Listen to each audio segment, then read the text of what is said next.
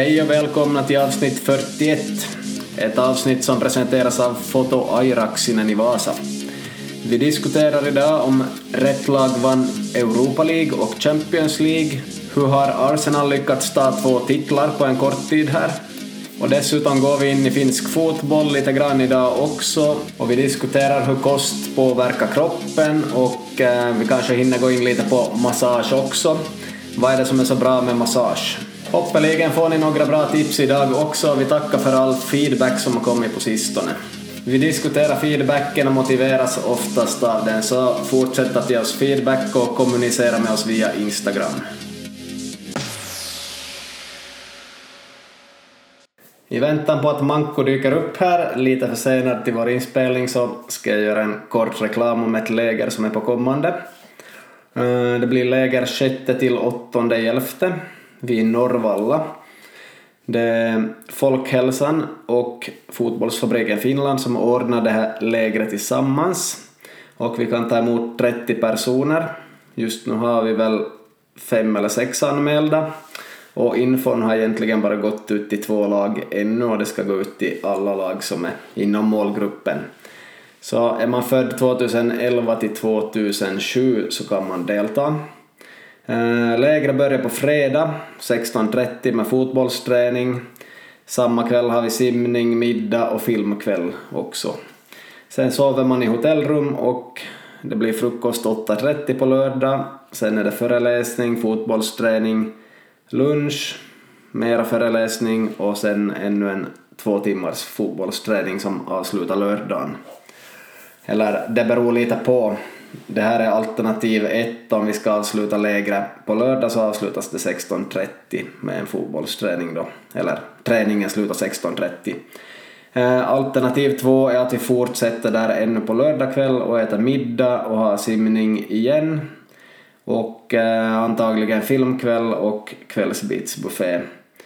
Morgon efter blir det frukost klockan 8 och fotbollsträning 9 till 10.30 och lite prisutdelning efter det. Så huruvida det blir en eller två nätters läger så får vi se. Alltså två eller tre dygn, det får vi se. Men att minst två dagar och högst tre dagar blir det läger där, alltså 6 till 8 elfte. Så ta gärna kontakt om ni är intresserade av det här. Det jag ännu kan nämna är att vi har målvaktstränare och assisterande tränare till mig där, så det, det är flera personer som deltar som tränare eller ledare. Okej, okay, nu är Manko med, eller hur? Yes. Okej, okay, bra då du hör på avsnittet sen så får du höra vad jag har pratat här för det. ja, om jag hör, ja. Okej. Okay. Om du någon gång hör på de här avsnitten. ja, det har inte blivit så ofta nu på sista tiden, eller inte heller i början, men jag ska bättra mig med det. Ja, no, no, ja. Precis. Jaha, hur är läget med dig då? Ja, tipptopp, tipptopp. Det där, allt rullar, rullar på bra. Det där, att klart det att det är en liten omställning från att ha varit ett halvt år ungefär hemma till att komma tillbaka till skolvardagen så att man är lite, lite tröttare på annat sätt kanske men att det börjar nog ge med sig det också.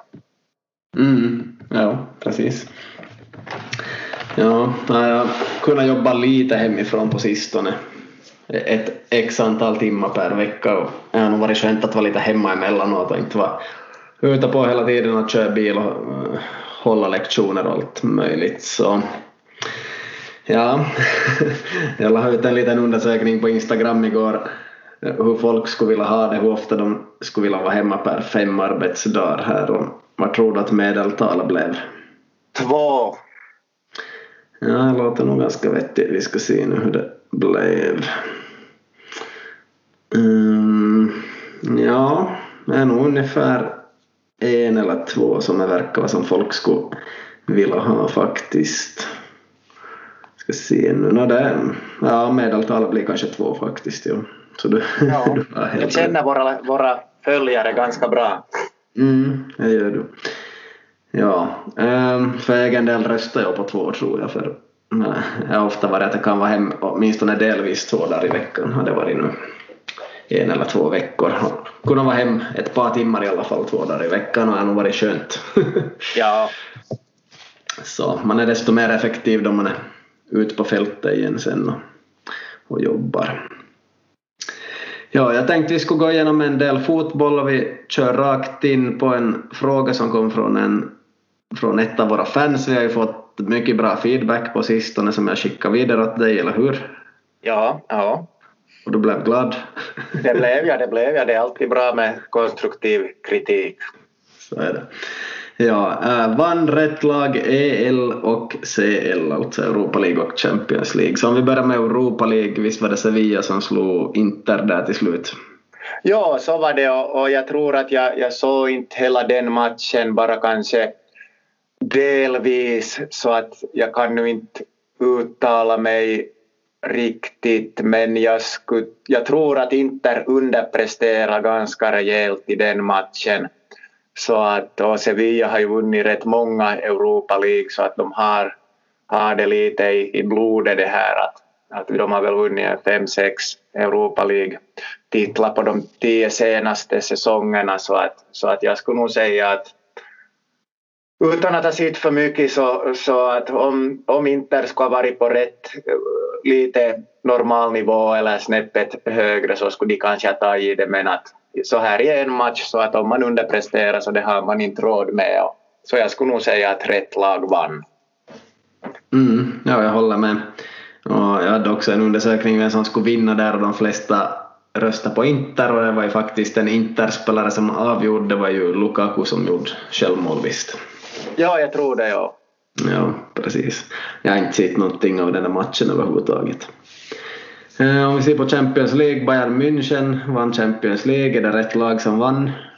Jag tycker nog det också ungefär på samma sätt som äh, den här Europa-liga rätt lag vann och, och det där, jag såg inte andra halvlek, jag såg tror jag bara till det här 1-0 målet. Och äh, ja, de är kanske Äh, de är mera komplett lag Bayern München tycker jag att det var nog rätt lag som, som vann där också. Att, att om, om Bayern skulle haft en sämre dag och PSG en bra dag så skulle det kunna bli det där PSG som skulle ha vunnit men att jag tycker att, att det var nog rättvist så här också. Mm, ja, inte kan jag annat än att hålla med.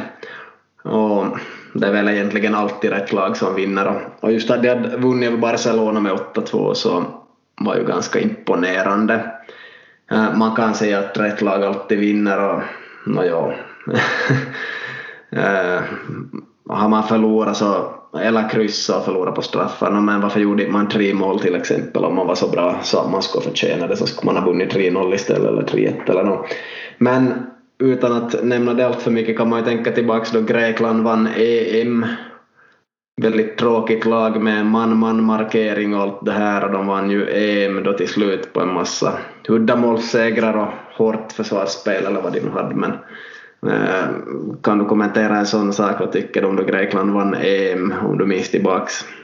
Ja, jag, jag minns inte, inte på det sättet nå, nå, eh, exakt från några matcher men jag tycker att, att i en turnering att, att om man om man nu tar sig ända till final och vinner så nu, det är ju kanske blev lite av en vändpunkt där för hur, hur fotboll sen det där spelas. Det var ju där uh, att efter det kom ju sen det här Barcelonas tiki-taka kom lite mera och så där så att, så att nu tycker jag att, att det där vinner man en turnering så, så nu är man värdiga vinnare då för att man kan ju säga att det är ju den här eviga frågan att ska, ska det vara underhållande? No, vad är då underhållande? Kanske en gammal försvarare tycker att Grekland spelar underhållande. Att det är kanske inte så underhållande för den stora massan som vill se, se mycket mål och mycket anfall men, men nog kan det också vara roligt att se på,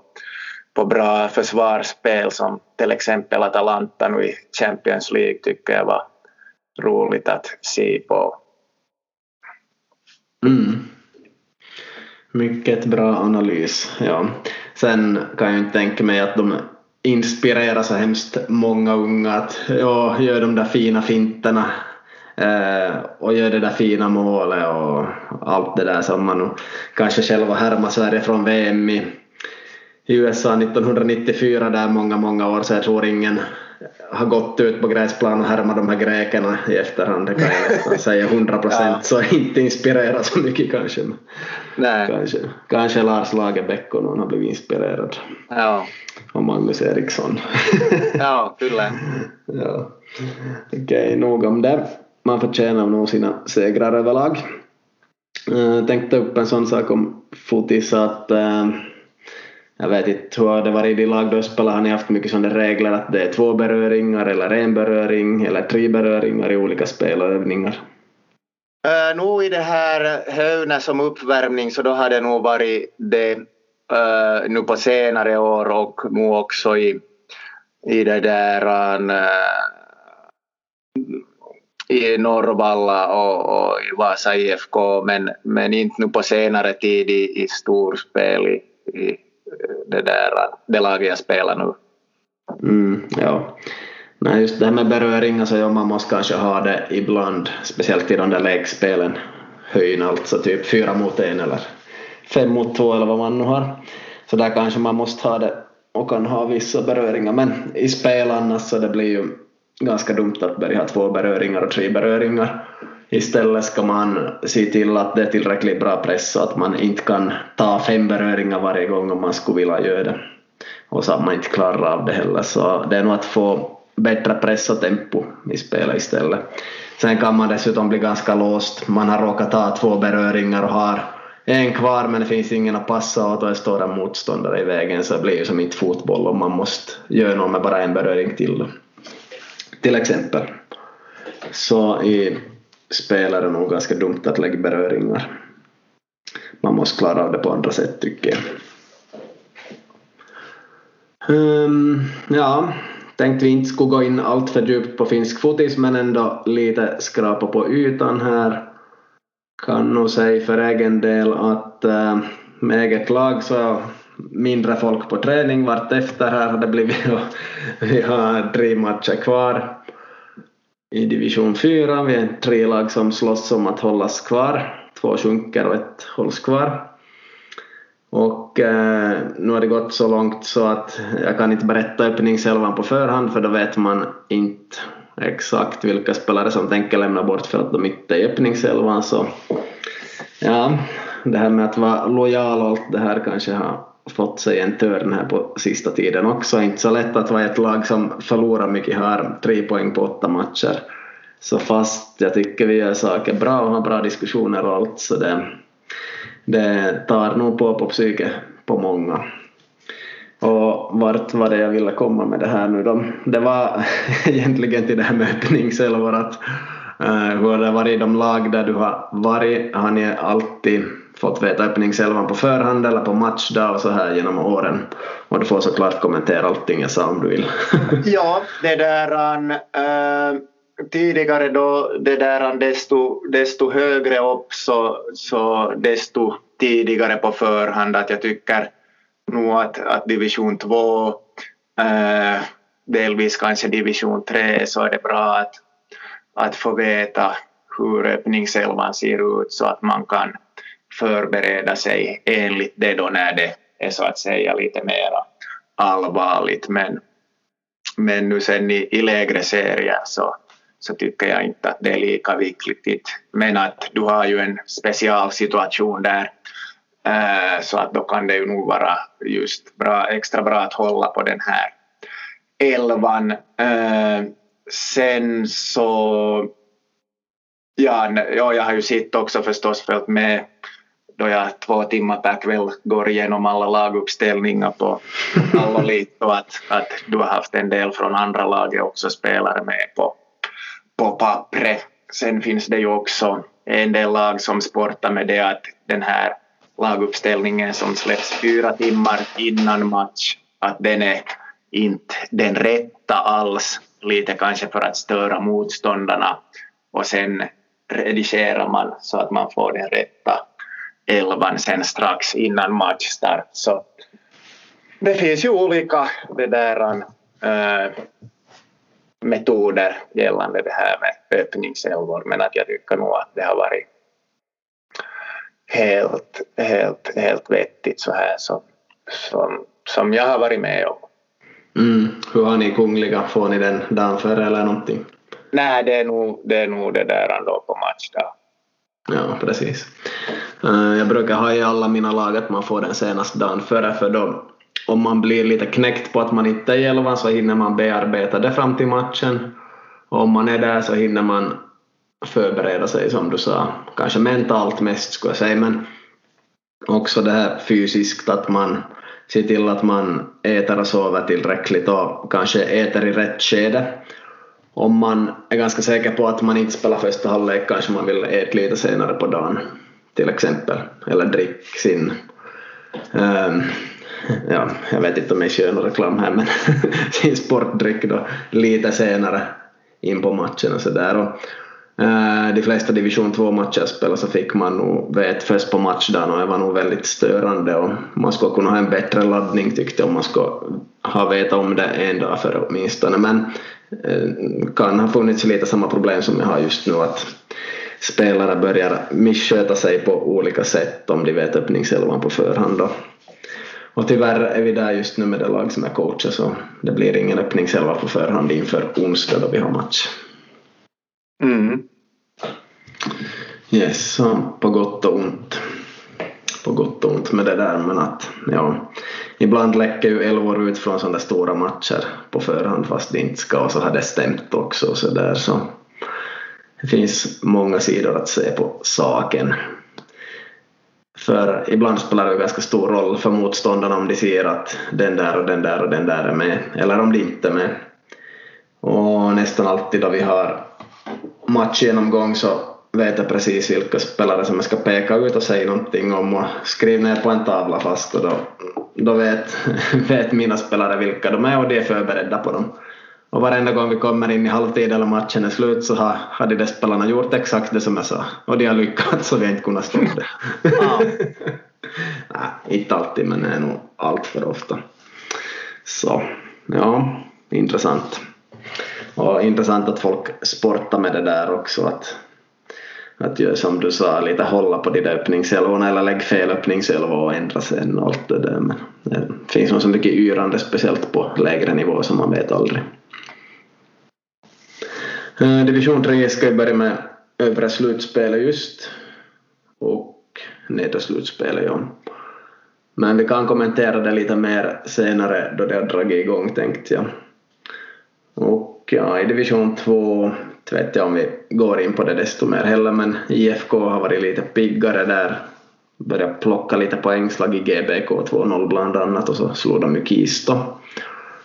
Och division 1, VPS tog sin första seger på fyra, fem matcher och det blev första bortasegern, det var mot Gnistan här på söndag. Och i ligan så no, SJK har vunnit en match, så grattis åt dem och HJK toppar tabellen och sådär. Men inte vet jag, har du några sådana allmänna grejer du har sett? Ja, no, det är ju just kanske de här sakerna som, som du tog, tog upp redan att SJK vann mot Rops hemma. Rops äh, ganska börjar bli avsågade där nu. Men att TPS har lite ryckt upp sig här under Tintti Johanssons ledning så att det, det får man ju se som, som roligt för, för honom och för, för TPS. Så att, men att, och Jaro, Jaro kryssade igår, annars har de ju varit i väldigt god form och Seoulu tog en udda seger, uddamålsseger. Eh, så att det, det rullar nu på, på lite som, som tidigare ungefär. Vissa trender kan man se kanske sådär resultatmässigt och SJK har väl bytt om till trebackslinje också. Det där, men ja, vi kanske går in på det med lite mera i senare avsnitt. Mm. Ja, det ska vi. Yes. Uh, hur är det med dina rutiner just nu? Är de samma som senaste fråga eller har du ändrat något? Och hur går det med din halvmaratonsatsning? No, som tur var tänkte jag säga så blev ju halvmaraton inställt. oj då, oj då, oj då, just det. Så, så det där, ja nej jag tror att att det gick lite som, som det började brukar gå alltid på höstarna, att man tar, tar lite, lite för hårt. Jag låg på ett, eh, ett snitt där första, första skolveckan på mellan 4 och 5 000 förbrukade kilokalorier per, per dygn. Att jag cyklade till jobbet och sen ännu tränade utöver det och stegen var där kring 25 000 så, så att då, då före jag sa åt, åt en i laget före SJ kom matcherna och sa att ja, nu blivit många pizzor idag, att se nu, nu har jag redan så här många procent. Och så, så sa han att ja, du ligger sen med baklåret i luften i halvtid. Och det var precis som det gick.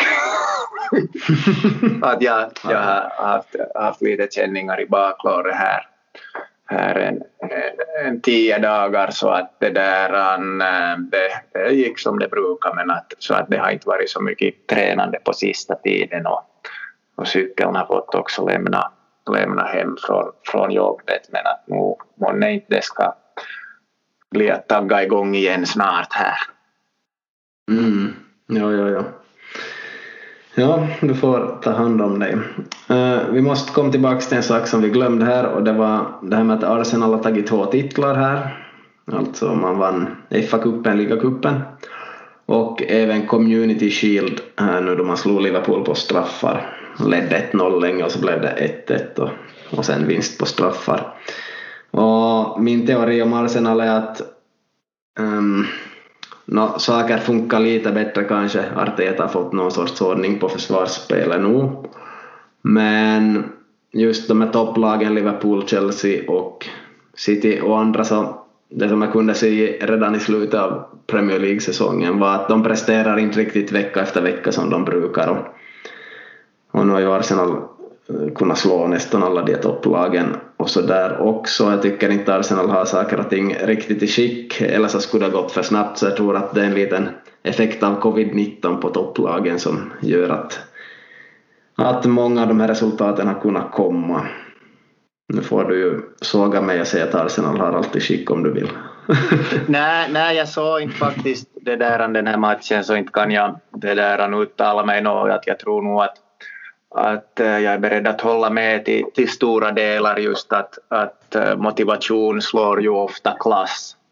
Och just i de här skedena när man har mött de här topplagen, förutom kanske då eh, förstås nu i Community Shield så att vi går ju något lag ut och förlorar med flit att Liverpool hade väl nog nio eller tio av de bästa det där ändå på, på plan från start och så vidare så att inte så att bra bra, bra ändå med två, två titlar på, på en månad om man jämför med andra rivaliserande klubbar i norra London.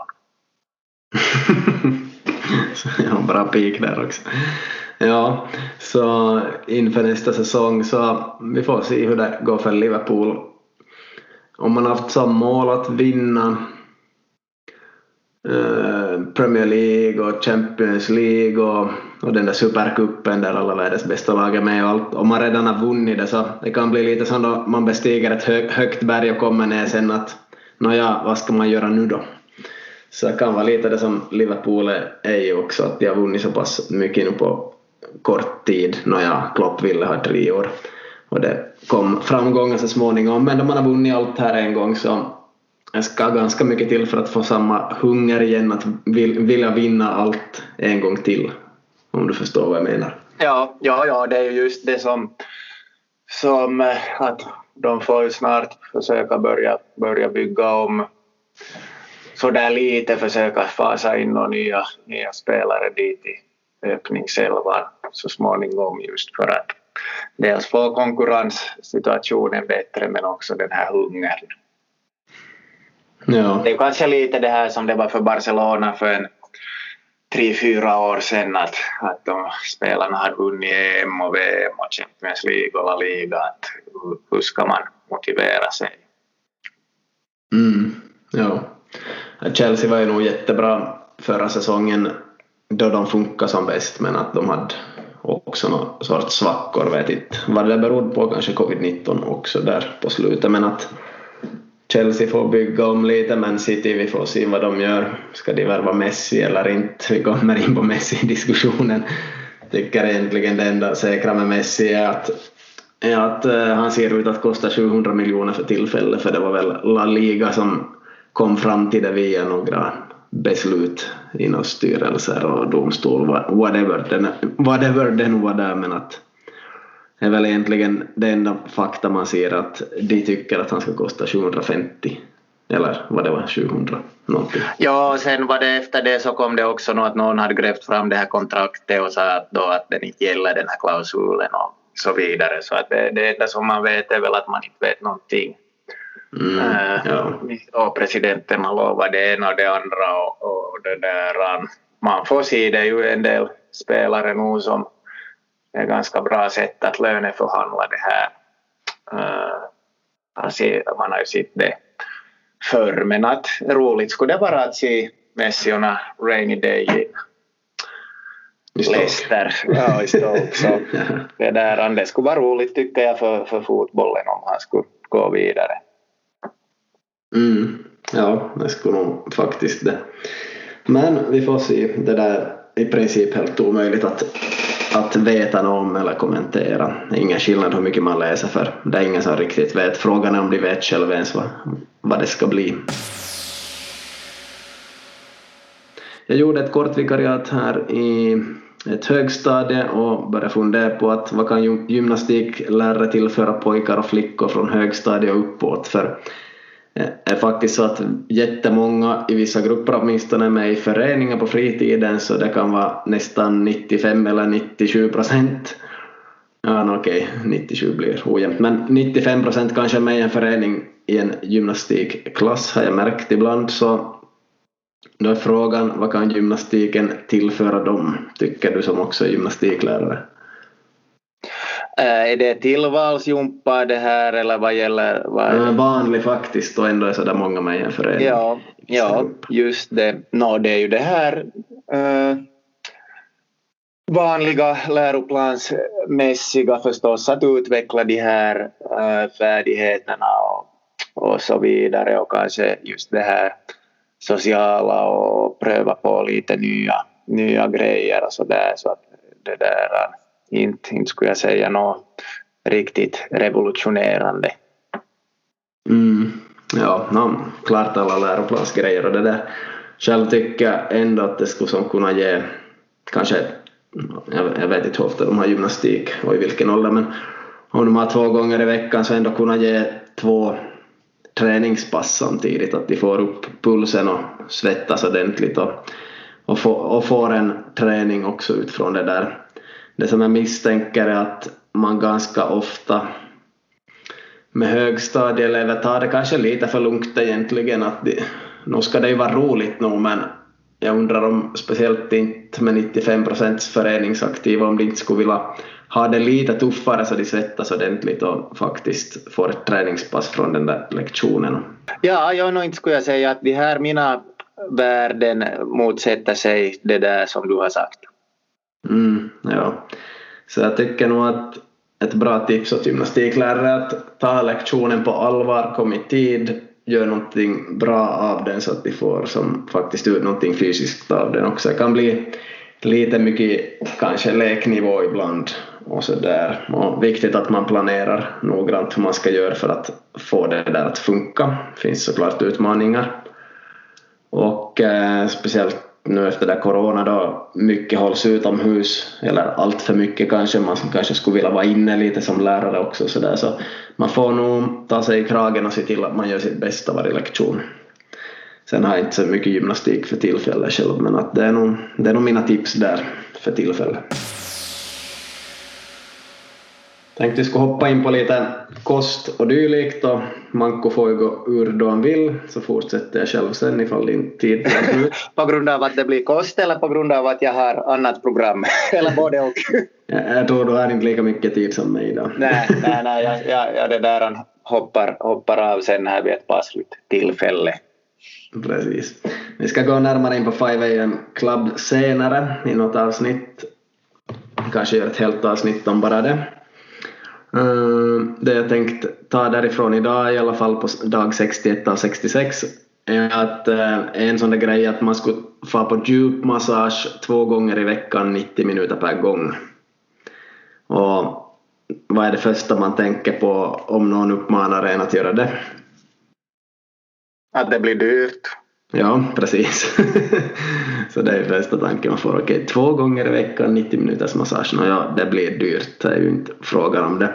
Och då är motvikten enligt boken som såklart överdriver på vissa områden att ja, men det är ännu dyrare att dö.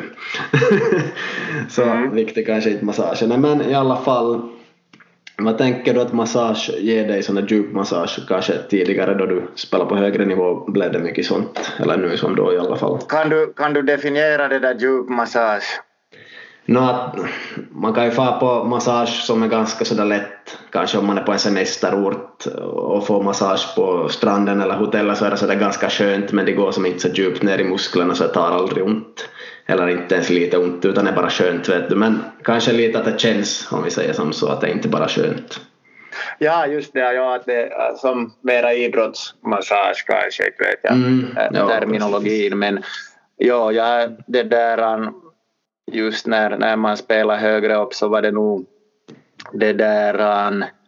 no, det blev kanske dels så, så den här vår massör så kunde som fixa de flesta det där skavanker just, just i skick och han var väldigt det där äh, eh, duktig och med, så hade han ett sånt här bevingat citat att om du skulle vara en häst så skulle du skjutas sa han åt en en och, och det kanske ju det där nog, nog också stämde. Men, men att jag tycker nog att det, det är väldigt äh, bra. Kanske skulle man med, äh, om man skulle då på den tiden ha lite mera kunskap så skulle man på, på egen hand ha kunnat, kunnat sköta om det åtminstone delvis de här behandlingarna men att jag tyckte nog att det var väldigt ändamålsenligt att, att få, få fara på det här och, och bli, bli lagd i, i spelskick just. Jag hade en del problem med de här höftböjaren och så där och då man tar med armbågen på det så, så då är det nog då, tar det, då är det nog inte någon semestermassage direkt. Att, ja, att som sagt väldigt, väldigt bra men att kanske en, en kombination av det och egen muskelvård skulle kanske ha varit ändå det där bäst. Sen blev man kanske just lite som för beroende av det här att man tänkte att ja, att no, men jag far och lagar mig i skick dit till massören och så vidare. Så. Mm, ja, jag förstår. Uh, själv stretchar jag i princip aldrig, eller så gott som aldrig, för jag har andra metoder och hålla mig bra i skick, hålla mig rörlig. Du, du minns ju hur jag sparkar högt och allting. Ja, den här planschen har väl inte hämtat sig ännu heller från föreläsningsdagen. ja, alltså, jag har mina egna sätt att aldrig nästan ha träningsvärk och sånt. Känns nog av förstås lite grann ibland men sånt så jag tror inte att det där stretching är, det. är något viktigt för fotbollsspelare tror jag absolut inte men det som den här massagen ändå kan ge så det är ju nog cirkulation liksom att ja nu tappar jag mina ord lite här men just det att eh, ämnena i kroppen börjar röra på sig och det går snabbare att slaggprodukter kommer ut ur kroppen och man får snabbare återhämtning. Och såklart viktigt för idrottare men också för de som inte tävlar i någon gren utan till exempel joggar ett par gånger i veckan och kör något styrkepass och tabata och lite vad som helst. Så såklart är det bra också för dem att göra någonting. Och och just om man är med i det 5 AM Club så gör man någonting egentligen varje dag. Det är ju inte så hårt varje dag, det orkar ju ingen träna hårt sju dagar i veckan men att i alla fall så också där fast inte skulle vara så hårt så nu kommer ju den här massagen att göra att man mår bättre antar jag. Och då är min följdfråga här, tror du att jag kommer att testa på det här? Ja, jag tror du har bokat redan. ja, jag gör ett projekt av det så det, det börjar direkt fotissäsongen slutar så då kommer jag i en månad att göra det här då gå på massage två gånger i veckan, djupmassage i alltså fyra veckor. Jag kontaktade några olika massörer och fick såklart superbra pris eftersom de får lite publicitet sen. Så det ska bli riktigt intressant att se hur det känns att få det här också. Jag har bara två som jag har bokat allting av men om någon annan vill vara med ännu som, som är massör eller någon så kan man nog säga till att man skulle vilja vara med så avbokar jag något pass med dem och bokar in dig. Men att ja, de ger det så pass billigt så är det väldigt svårt att konkurrera ut det om man inte tror på det här med att få publicitet för i så fall så är det svårt att ge ett pris som inte är dubbelt högre faktiskt. Men det ska bli intressant så jag får höra av mig mer om den här massagen sen. Det blir säkert i slutet av oktober som det är färdigt, någon gång 20 kanske.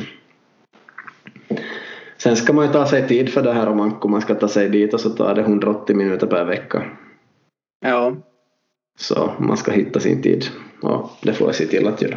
Men inga fotis mer i det skedet. Nej.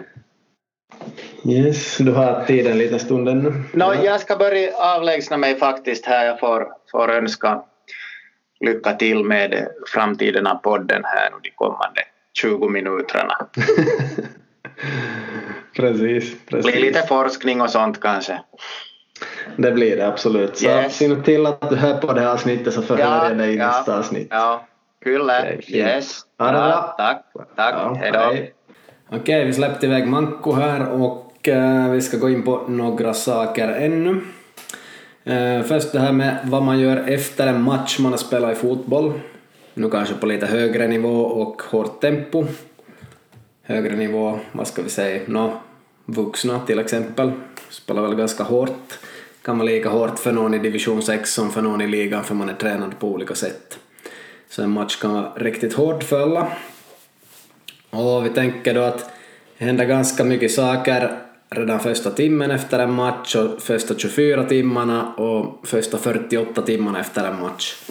Så utan att nämna allt för mycket om det, som förstås kommer upp i föreläsningar som jag drar, så kan jag säga som så att, att bara lämna och hänga efter en match är kanske inte så bra utan man borde göra någon sorts rörelser och sånt småningom. Sen kan man tänka att sömnen är otroligt viktig och också att man äter samma kväll är viktigt. Så ja, speciellt sömnen ska prioriteras efter en match, den är väldigt viktig. Och dagen efter, vissa gör så att de vilar och vissa gör så att de eh, gör en återhämtande träning dagen efter. Jag är helt inne på att göra en återhämtande träning dagen efter och gärna vila två dagar efter. Och varför man gör det här går jag mer in på i mina föreläsningar. Och ja, sömn repareras både fysiskt och psykiskt kan jag tillägga, så det är ju viktigt på flera sätt med sömn. Och på samma gång kan jag ju tillägga att eh, använda koffein på kvällen kan vara negativt för sömnen, så vill man då använda koffein genom att dricka Nocco eller något annat så borde man lite ta i beaktande när man dricker det och när man ska gå och sova så att man får tillräckligt många timmar emellan så att koffeinet hinner gå i blodet så, så man somnar ordentligt och sover bra. Det mesta som kommer upp från kost idag så är Maj-Lis Helenius som har sagt, bland annat i Framgångspodden och annars också. Eh, och så har jag möjligen plockat ut någonting ur några andra poddar som jag hört på på sistone, kanske ur tyngre podden med Jakob Gudiol. Eh, den här första grejen jag tänkte säga har då inte med finländare att göra, rakt av, inte procenterna i alla fall, men jag kan tänka mig att det är ganska samma i Finland. Så 90 procent av svenskarna rör sig för lite.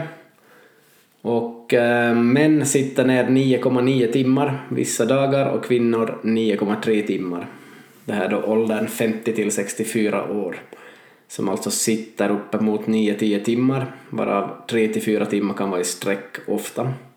Och det är det farligaste fenomenet det här att sitta så där länge i sträck.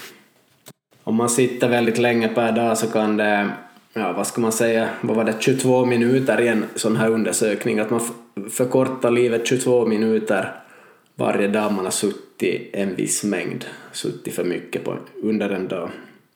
Så det är en sån där eh, grej som de har tagit upp mycket.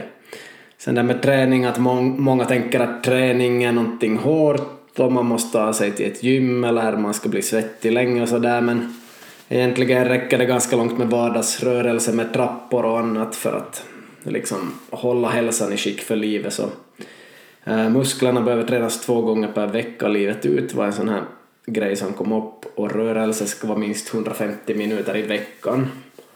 Eh, då behöver det inte vara ens 30 minuter i sträck utan man kan ta de där 150 minuterna lite var som helst. Så det ska som hjälpa och just att gå i trappor och, och annars få vardagsmotion så det, det är som viktigt. Så huvudsaken att man inte lämnar där in och sitta så det, det kan alla komma ihåg. Och uppmana sådana som gör det, ni kanske känner gamla människor eller äldre människor som har fastnat i stolen så att säga. Det finns många tips kring det här att göra någonting var 20 minut, en skott eller en armpress eller något. Sitter ni mycket vid ett skrivbord kanske ni kan få in lite vardagsmotion på olika sätt och samma sak i skolorna. Vardagsmotion är ganska vanligt där med, med elever och lärare också. Vi går in på nästa sak. Eh, I Lyon hade de 600 personer som hade fått hjärtinfarkt och som har överlevt. Och så skulle de nu testa lite de här då så 300 personerna så fick rådet att byta smör till olivolja. Och jag tror det var också några andra lite mer hälsosamma saker där i studien de skulle göra. Övriga 300 pers fortsatte som förr. Den här studien skulle pågå fem år men fick avbrytas efter 27 månader av etiska skäl och det var nämligen så att betydligt fler dog i en ny, hjärtinfarkt, ny hjärtinfarkt av de här som inte hade ändrat på kosten. Så det var 16-3 i, i dödlighet åt de som inte hade ändrat på kosten. Så, så där såg man så tydligt att 16 personer fick en ny hjärtinfarkt och dog av dem och endast tre i gruppen som hade ändrat på kosten. Eh, just den där palmitinsyran som finns i smör och i palmolja, kokosolja, så den granskas my ganska mycket och man har lärt sig mycket mer på tio år om den här. Och det var ju den som man slapp i och med att man minskade på smör och sånt och använde, använde olivolja istället, så det, det är som ett bra tips åt människor. Och då kommer vi in på en till undersökning här i Uppsala. Eh, man ville att studenter, alltså studerande, skulle börja äta muffins i en undersökning. De fick betalt några hundra euro för att vara med. De var väl med i sju veckor och gick upp ungefär två kilo allihop om jag minns rätt. Och grejen var att de som hade ätit muffins med smör fick bukfetma och dubbelt mer leverförfettning än de andra. De andras muffins hade solrosolja istället för smör och den här solrosoljan hade faktiskt gett mer muskler åt dem också de fick ju, eller de skulle leva likadant som de hade gjort tidigare, fortsätta med all motion och allting som de hade gjort. Så, men det här palmitinsyra så det, det är som någonting farligt, kanske farligaste mättade fettsyran som finns. Mm, det ger högre blodfetter i levern, det ger inflammatoriskt påslag i hela kroppen och ja, det här finns då i smör, fläsk, ister, kokos, och ja, kokosolja som var väldigt populärt här ett tag så det, det är absolut inte bra i stora mängder så det får man lite undvika. Så solrosolja som har mättat fett är nog bättre än det här i alla fall då. Så ja, i stort sett på det viset. Det som man då kan tänka är alltså att hellre använda olivolja, rapsolja, vegetabilisk olja istället för smör. Och smör kan nog smaksätta men man får inte överanvända det. Det är inte något bra. Och funderar vi då på vilken sorts olja man borde använda så är det sån här kallpressad extra virgin, sån där olivolja, den brukar väl se ganska grön ut då den, då den är som bäst på flaska. Den skördas tidigt på hösten. Och eh, på sju, veck eh, sju veckor så, så har de här cellväggarna i musklerna byggts om och också levercellerna.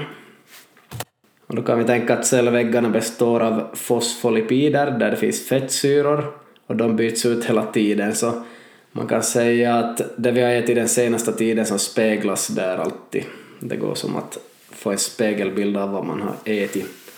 Man brukar ju säga att man är vad man äter och eh, ja, eftersom kroppen förnyas hela tiden så är man ju faktiskt vad man äter. Eh, sen kan man tänka att de här fettsyrorna tas ända in i cellkärnan, ända in mot vårt DNA.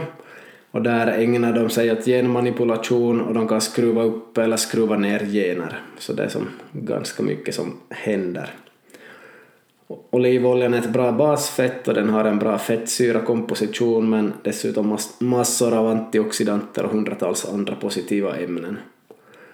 Det här med antioxidanter pratas det ju mycket om och ibland kan det vara kanske lite överdrivet i många preparat, känner jag själv att det, det ska säljas tabletter och allt möjligt så det kan bli lite, lite överdrivet kanske men här i olivolja så är det säkert bra. Jag vet att på Kreta så dricker man till och med shottar av olivolja. Jag var på Kreta för lite på ett år sedan och ja, de som bor där kan shotta olivolja också, gamla människor och sånt. De har växt upp med den här olivoljan så det, det är någonting som är väldigt centralt för dem. Jag ska ge några avslutande tips här ännu och eh, det första är att optimisten lever 7,5 år längre än, än någon som är negativ, alltså en pessimist. Så det kan löna sig att se positivt på livet. Eh, lite träningstips här är att man under dagen, som, vi, som jag sa tidigare, att få in den här vardagsmotionen är bra, men man kan säkert lägga in vissa mål också, att armpressa, burpees och magövningar kan komma in i dagen när som helst. Man kanske har lagt som mål att idag ska jag göra 150 armpressar så man behöver inte göra dem 30 gånger fem på en halvtimme utan man kanske kan göra fem eller tio armpressar under hela dagen och gör det på tio timmar till exempel istället. Så det skulle vara intressant att få in lite av det här i vardagen egentligen varenda dag. Och ja, måste se var, när, hur man kan göra sådana saker. Men att sätta upp lite sådana mål och göra dem lite var som helst egentligen. Och man behöver inte alltid binda all träning till till en viss halvtimme eller timme där man gör all träning, utan man kan som ta in det under dagen också. 150 armpressar eller 200 burpees eller 300 olika magövningar. no, alla kanske inte är olika i magövningar men serier på 20 eller 30 så delar man upp det under dagen eller, eller så gör man bara 10 i gången. Vad som helst. Och det fin finns också lite forskning för det här just nu att det, det faktiskt är bra att att göra lite i gången under dagen så man får, får att det händer mycket under dagen. Yes, no, vi ska börja avrunda här men att eh, jag är inte heller någon expert på att få in motion under hela dagen men jag ska bättra mig och försöka få in planerat det här också. Kan tänka mig just det där att få in 200 armpressar på en dag och då gör jag varje timme kanske 5, 10, 15 eller 20 eller någonting så får se. Man behöver ju inte göra dem mot golvet heller, man kan göra dem mot ett skrivbord eller mot lite vad som helst. Eh, jag ska ännu nämna att Lyon vann Champions League-finalen för damer. De besegrade Wolfsburg med 3-1. Och i Lyon spelar finländska målvakten Katrina Talaslahti, eller hon finns i truppen i alla fall. Så Lyon är Europas bästa klubblag, så en shout-out till damer också. Jag är väldigt intresserad av damfotboll, men prioriterar inte lika högt som herrfotboll alltid, beror lite på. Och ehm, som jag kanske har nämnt tidigare så har jag, ja, jag tror jag har nämnt det via Instagram att jag har gjort eh, x antal sidor om damfotboll, gett lite forskning vidare åt två personer som ska kunna fundera på hur man gör en bra produkt av damfotboll eller ett damfotbollslag. Så, så där tror jag nog att det händer någonting småningom. Det har inte hunnit gå allt för långt än men det är på gång någonting kring att fundera där. Sen har jag ju också försökt hjälpa domarna, domarklubben här lite mer lokalt också över Finland. Vi får se hur de svarar på det. De har inte hört av sig trots ett stort, stort arbete som dessutom har skett för flera veckor sedan så vi får se lite vad som sker. Men det är kul att försöka hjälpa till och hoppas att det tas på rätt sätt. Slutligen önskar jag er en bra vecka. Jag har inlett den här veckan med att vara ganska trött. Jag har kämpat hårt inom idrott och eh, sovit, ja, helt okej okay, men inte jättebra heller så jag har en del att förbättra för att få en riktigt bra vecka själv. Men jag ser positivt på den här veckan som kommer så hoppas att ni också ska ha det så bra som möjligt. Så sköt om er så hörs vi då vi hörs.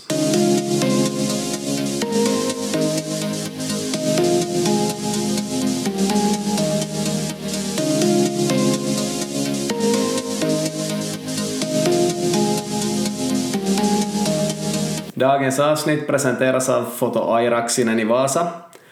Det är ett företag som ger mycket bra service och tar väldigt bra bilder.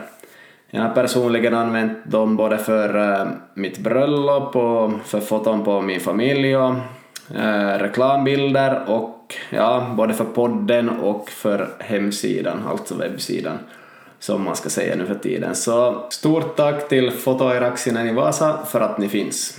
Webbsidan är www.fotoeuraxinen.fi